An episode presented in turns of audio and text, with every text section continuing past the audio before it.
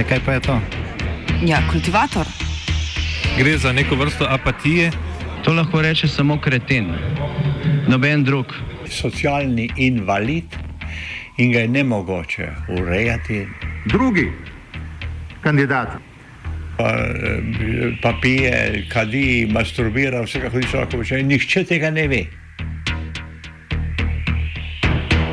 Vsak petek skultiviramo dogodek tedna. Lahko po kriterijih radio študent, težko pa po evropskih kriterijih. Ampak na drug način, kot vi to mislite. Kultivator vedno užge. da pač nekdo sploh omenja probleme, ki so in da pravzaprav sploh nekdo sproži dogajanje uh, v družbi. To drži, drži.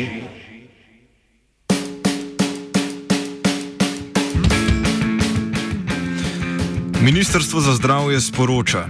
Vlada je na sinočni dopisni seji z odlokom o preklicu epidemije nalezljive bolezni COVID-19 preklicala epidemijo, ki je bila razglašena 12. marca 2020. Nacionalni inštitut za javno zdravje je ocenil, da vsi kazalniki kažejo na umirjanje širjenja virusa SARS-CoV-2 v populaciji. Ker pa še vedno ostaja nevarnost širjenja nalezljive bolezni COVID-19, se ob strokovni utemeljenosti še vedno uporabljajo splošni in posebni ukrepi, sprejeti na podlagi sklepa o uporabi ukrepov, ki jih določa zakon o nalezljivih boleznih pri epidemiji COVID-19.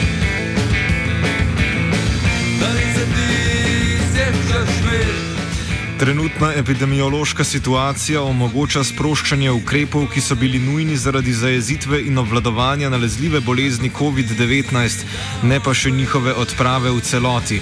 Prvi potrjen primer okužbe SARS-CoV-2 smo v Sloveniji zabeležili 4. marca 2020, do vključno 13. maja pa smo zabeležili 1464 potrjenih primerov okužbe.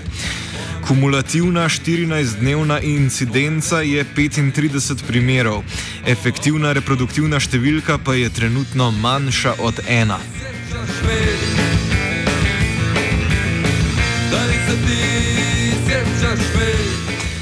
NIJZ v svoji oceni izpostavlja, da so med ukrepi namenjenimi omejitvi širjenja okužbe še posebno pomembni testiranje obolelih, izolacija bolnih, iskanje kontaktov, karantena za visoko rizične testne kontakte oziroma tesne kontakte, higiena rok in kašlja ter spoštovanje fizične distance. Sodelovanje in odgovorno ravnanje prebivalstva pri upoštevanju ukrepov ter skrb za lastno zdravje in zdravje skupnosti sta omogočila omejitev širjenja bolezni. Poleg tega je tudi v bodoče potrebna usmerjena zdravstvena vzgoja in svetovanje kot ukrep za preprečevanje in obvladovanje nalezljivih bolezni.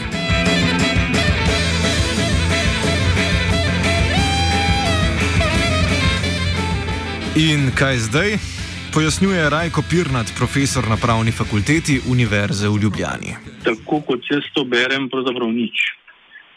V zakonu o nalezljivih boleznih je namreč razglasitev epidemije nek akt, ki nima nobenih neposrednih pravnih posledic na obstoj nekih drugih ukrepov. Um, tako da torej, to, ali je razglašena epidemija ali ne, ne vpliva na veljavnost recimo teh odlokov o, o, o zbiranju, potem o prehodu meje. Skratka, ti odloki še vedno v obsegu, kolikor so veljavni, ostanejo v veljavi. Jaz mislim, da to ne vpliva. Slovenija je tako kot prva država v Evropski uniji napovedala preklic epidemije. Razlog za to seveda ne tiči v sicer v spodbudni epidemiološki sliki, pač pa v proračunski porabi. S tem, ko se epidemija zadnjim dnem maja prekliče, prenehata veljati tudi mega protikoronska svežnja, namenjena pomoči državljanom in gospodarstvu.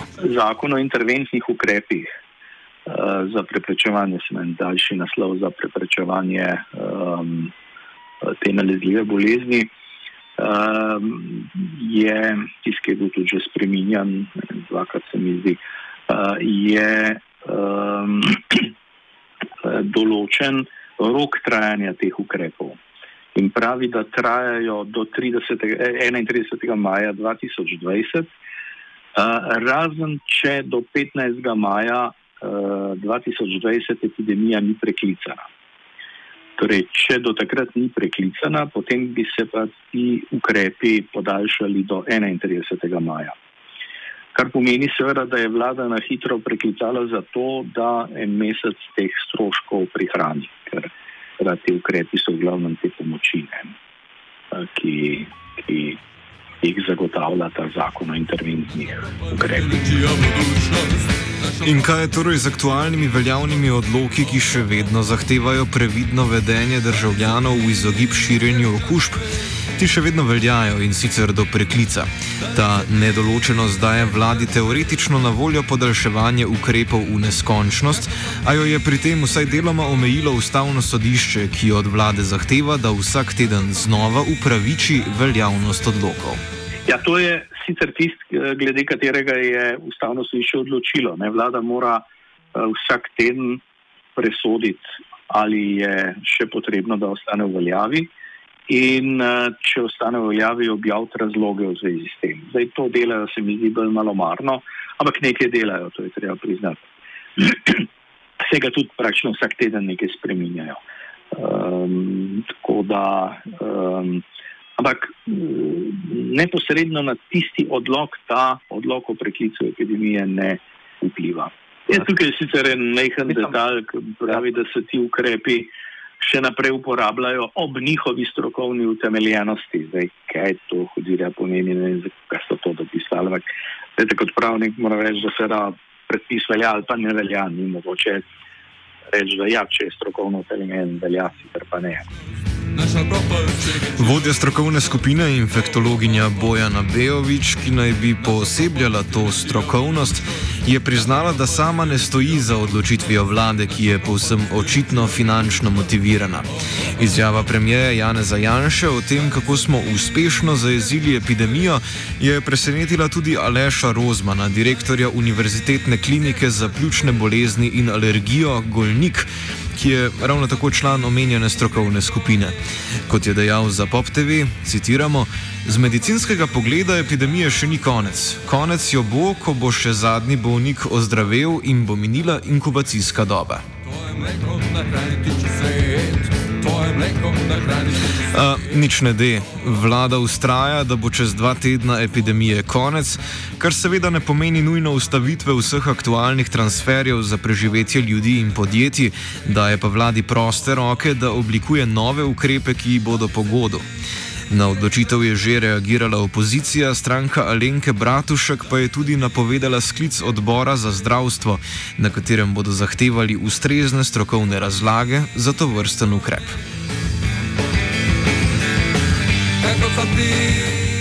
Hkrati s preklicem epidemije je vlada tudi odprla meje in prekinila karantenski režim za državljane Evropske unije. Tudi ta ukrep ni bil sprejet v sodelovanju s strokovno skupino, a kot pravi vladni govorec za COVID-19 Jelko Kacin, še vedno lahko naredimo korak nazaj. Citiramo.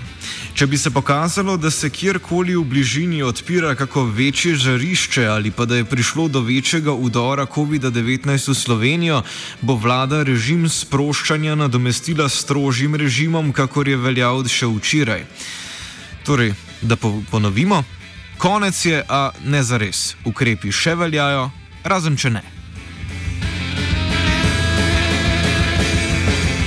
Da preklic epidemije ta trenutek efektivno ne pomeni ničesar, je danes na novinarski konferenci potrdila tudi ministrica za izobraževanje, znanost in šport Simona Kustec. Tako se z 18. majem 2020 ponovno odpirajo vsi vrtci v državi, osnovne šole za učence od 1. do 3. razreda, osnovne šole s prilagojenim programom, srednje šole za dijake zaključnih letnikov in posameznike, ki bodo v šolskem letu 2019-2020 opravljali maturo maturo ali zaključni izpit, ter za dijake od prvega do tretjega letnika, ki jim šola organizira dodatno učno pomoč ali pridobivanje praktičnega znanja in veščin. Šolska vrata se 18. maja odpirajo tudi za vse, ki bodo opravljali izpite v skladu s šolskim koledarjem za kandidate za upis v srednje šole v šolsko letu 2020-2021, ki morajo opraviti aktivnosti prijavno upisnega postopka in za udeležence izobraževanja odraslih. Od 18. maja dalje so lahko ponovno odprte glasbene šole, zavodi za vzgojo in izobraževanje otrok in mladostnikov s posebnimi potrebami ter više strokovne šole, pa tudi univerze in visokošolski zavodi ter študentski in dijaški domovi.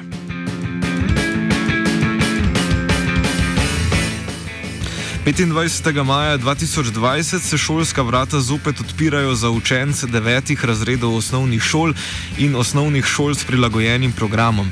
Tiste učence od 4. do 8. razreda osnovne šole in osnovne šole s prilagojenim programom z učnimi težavami, ki potrebujejo prilagojene oblike in metode dela za doseganje minimalnih standardov znanja, ter za učence in dijake posebnih programov vzgoje in izobraževanja v osnovni šoli in osnovni šoli s prilagojenim prilagojenim programom. Za vse ostale učence in dijake, ki niso bili posebej navedeni, se nadaljuje izobraževanje nadaljavo. Eno od področji dela ministrice Kustec je tudi šport, katerega status po epidemiji je včeraj opredelil državni sekretar za področje izobraževanja in športa Marjan Dolinšek, ki je podaril, da je država športu v preteklih dveh mesecih že pomagala, a ga je šele zdaj izredno naslovila.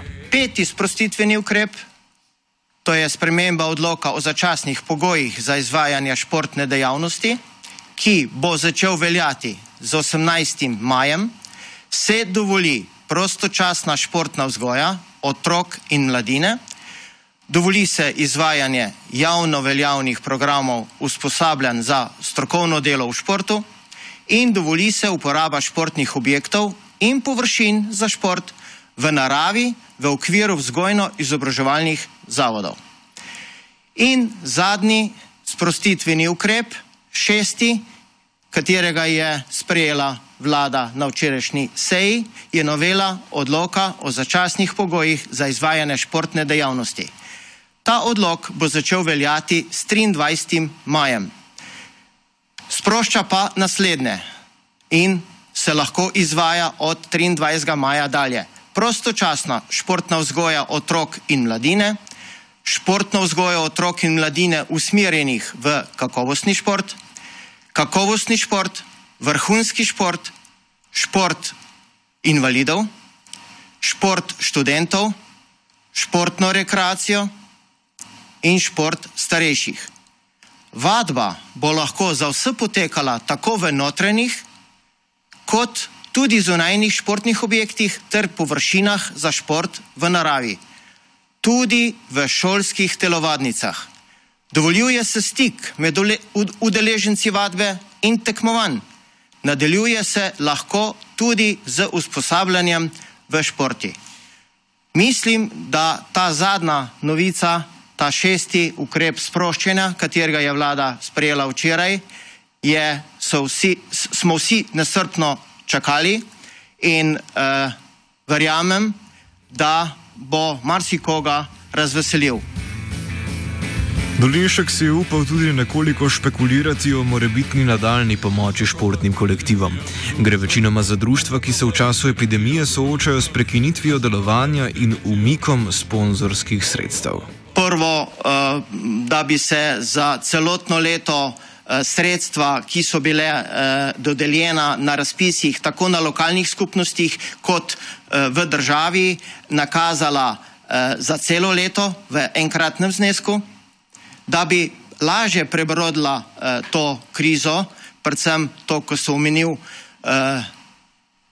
ne ta športna društva ja, in klubi. Uh, drugo pa uh, tudi možnost z, raž, z raznimi ulajšavami, se pravi, tukaj mislim na slovensko gospodarstvo, uh, kot je bi lahko bilo naprimer razne donacije in sponzorska sredstva, katere bi šla v, v olajšavo eh, podjetniku, gospodarstvu, na drugi strani bi pa pomagalo tem športnim društvom in klubom za lažje prebroditev eh, te situacije. Ampak to je samo razmišljanje, predlogi, predlogov je kar nekaj, seveda spet pa smo odvisni od finančnih sredstev, se pravi, kaj bo reklo tudi finančno ministrstvo.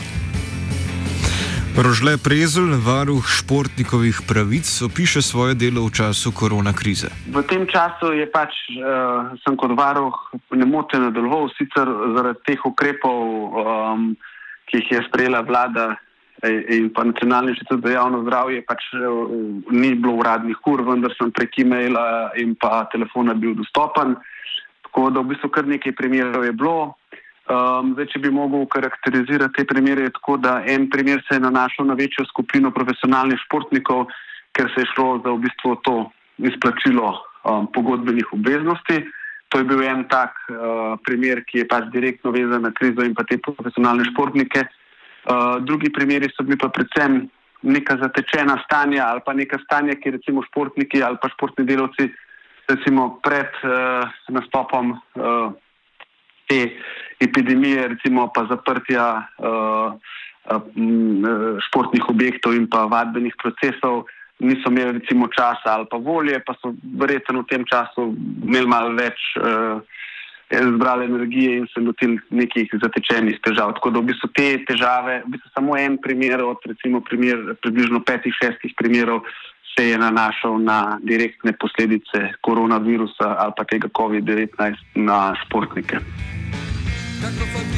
Dejan Stefanovič, predsednik sindikata profesionalnih igralcev nogometa Slovenije, vidi v trenutni krizi možnost, da se vendarle uredi šport, ki večkrat ostaja v sivinah zakona. Jaz ne bi govoril o interventnih ukrepih, ampak o nekih sistemskih rešitvah, kjer bi se z posebnim zakonom pripoznala uh, posebnost športa, uh, združevalne.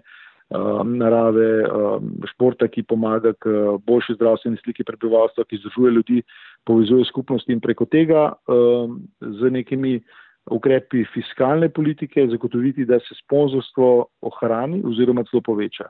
Ne, ta pandemija je lahko priložnost, da se v bistvu na um, politika do športa resetira in mu zagotovi nek privilegiran položaj, kot je naprimer to že dolgo časa velja za kulturo, ne, ki je vse glede pravic v boljšem položaju. Če bi dosegli vse primerljiv nivo, tudi v smislu financiranja, bi bili uh, športniki in pa športni delavci več kot zadovoljni. Za prihodnost nogometa ga ne skrbi, opozarja pa na nevarnost gospodarske krize za ostale športe, če se športu kot takemu ne dodeli nek poseben status, pač pa se ga prepusti trgu če se vzpostavi nek tržanski princip, uh, uh, bodo nekateri športi imeli težave. Uh, seveda si pa želimo, da bi čim več subjektov čim več investiralo v šport, to je pa tudi pogojeno z, z spodbudami, ki pa jih lahko zagotovi edino vlada. Prezel vidi tudi nujo po bolj sistemskih rešitvah za gad športa, ki pogosto temelji povsem na prekernih delovnih odnosih. Ta kriza se bo po enem tudi pokazala, v bistvu um, organizirano športa, ne, da se pravi ta, uh, koliko so športne organizacije dobro upravljene, ne, da kakšna je finančna konstrukcija športne organizacije, ali temelji na zdravih temeljev, ali ima zdrav način upravljanja, ali ima vzpostavljene neke mehanizme za tega, ker predvidevam, da tiste organizacije, ki imajo boljše upravljanje, ki imajo uh, boljš boljšo strategijo, več pozornosti na to, da jo bojo verjetno lažje išle iz te krize, kot pa tiste, ki so v bistvu slabše vodene. To je en zelo pomemben element pri tem, kakšne posledice bo šport utrpel. Tako da um, to se mi zdi en tak pomemben element v tej situaciji, v bistvu ta nivo upravljanja in vodenja športnih organizacij, koliko so v bistvu zdravi temelji teh organizacij. In v bistvu tudi tukaj, verjetno, posledično, ne, tudi, uh, kar se pa verjetno je pokazalo pri teh profesionalnih športnikih, uh, kakšne imajo te pogodbe, kakšna kvaliteta pogodbe. Zato, ker če je dobra kvaliteta pogodbe ali pa. Pa da je športnik na primeren način zaščiten, bo tudi manj težav imel kot neke uh, nek, neke, neki športniki, ki imajo neke, rečemo, bi rekel, slabše kvalitete teh pravnih ob, aktov, ki jih vežejo ali pa ki um, opredeljujejo medsebojne razmerja. In, in to bo vse pokazali. In tukaj jaz predvidevam, da bo tudi v prihodnosti prišlo do nekega tega razvoja, tudi tukaj, da bojo v bistvu več pozornosti in športne organizacije in posamezni športniki dajali in se v bistvu prek teh. Um, Pogodb, če lahko tako rečem, um, ali pa drugih pravnih aktov, ki opredeljujejo neke pravice in obveznosti, tudi sebe skušajo bolj zaščititi.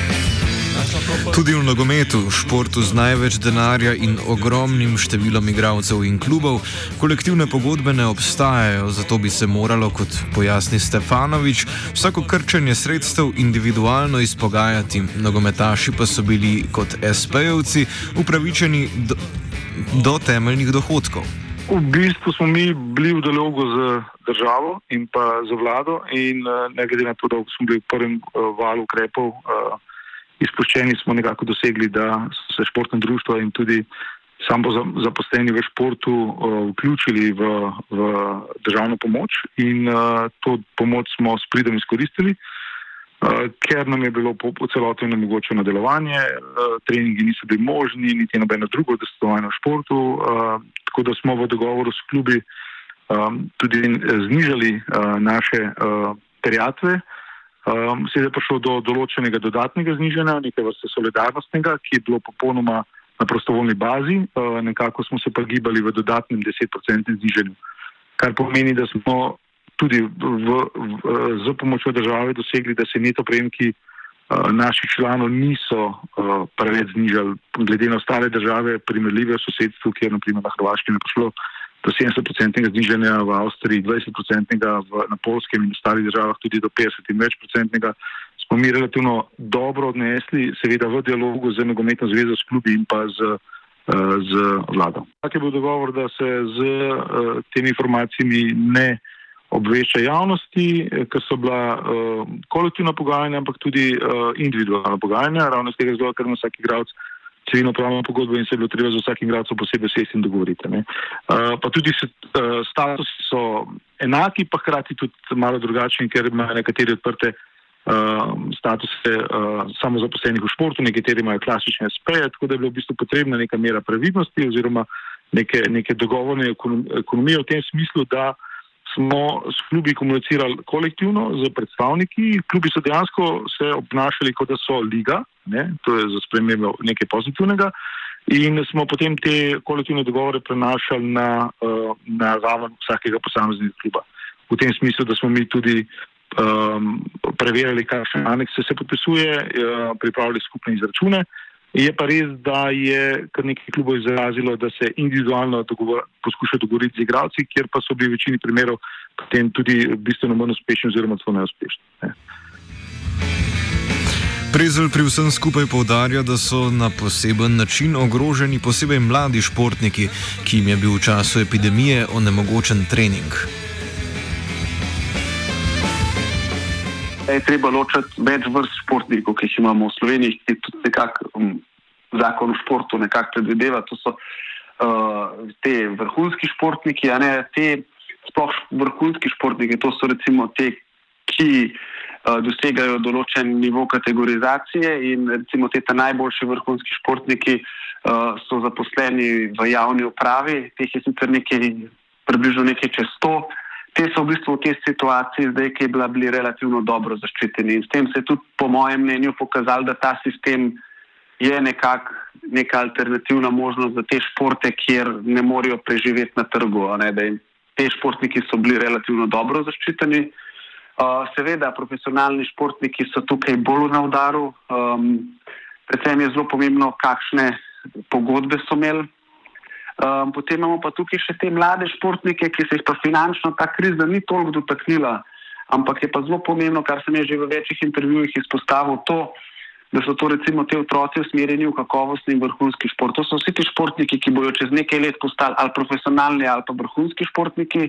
In v bistvu te so bili tudi, eh, bi rekel, lahko v to nemilost krize prepuščeni, predvsem zaradi tega, ker so se te organizirani vadbeni procesi prekinili in so um, ti športniki bili več ali manj prepuščeni samim sebi.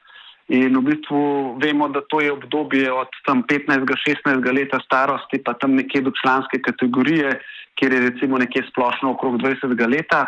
In v bistvu ti otroci so zaradi drugih elementov, recimo imeli so šolanje na domu, um, recimo bili so izpostavljeni vem, televiziji, tem spletnim, um, se pravi, komunikacijskim urodjem in v bistvu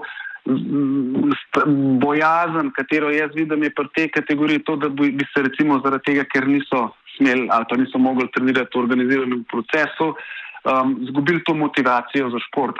In to v bistvu na dolgi rok, čez nekaj let, se lahko pozna na, na, na, na, na, na rečemo, reprezentančnih nivojih, ne, da, kjer bo, če bo recimo velik upad teh športnikov, da bi se zaradi krize pomankanja motivacije ali pa spremembe fokusov, kaj drugega, kakšno drugo družbeno dejavnost, v bistvu izgubili te mladi talenti. In v bistvu tle je bilo, po mojem, v tej krizi mogoče malo celo premalo izpostavljen to, koliko je to pomembno, da, da ti otroci zdržijo stik z, z, z, z športom. Vsi amateri pa ste slišali državnega sekretarja. S 25. marcem so ekipni športi znova dovoljeni, naj bo vsaj igr, če po 31. maju že kruha ne bo. Kultiviral je tuna po slovensko tun.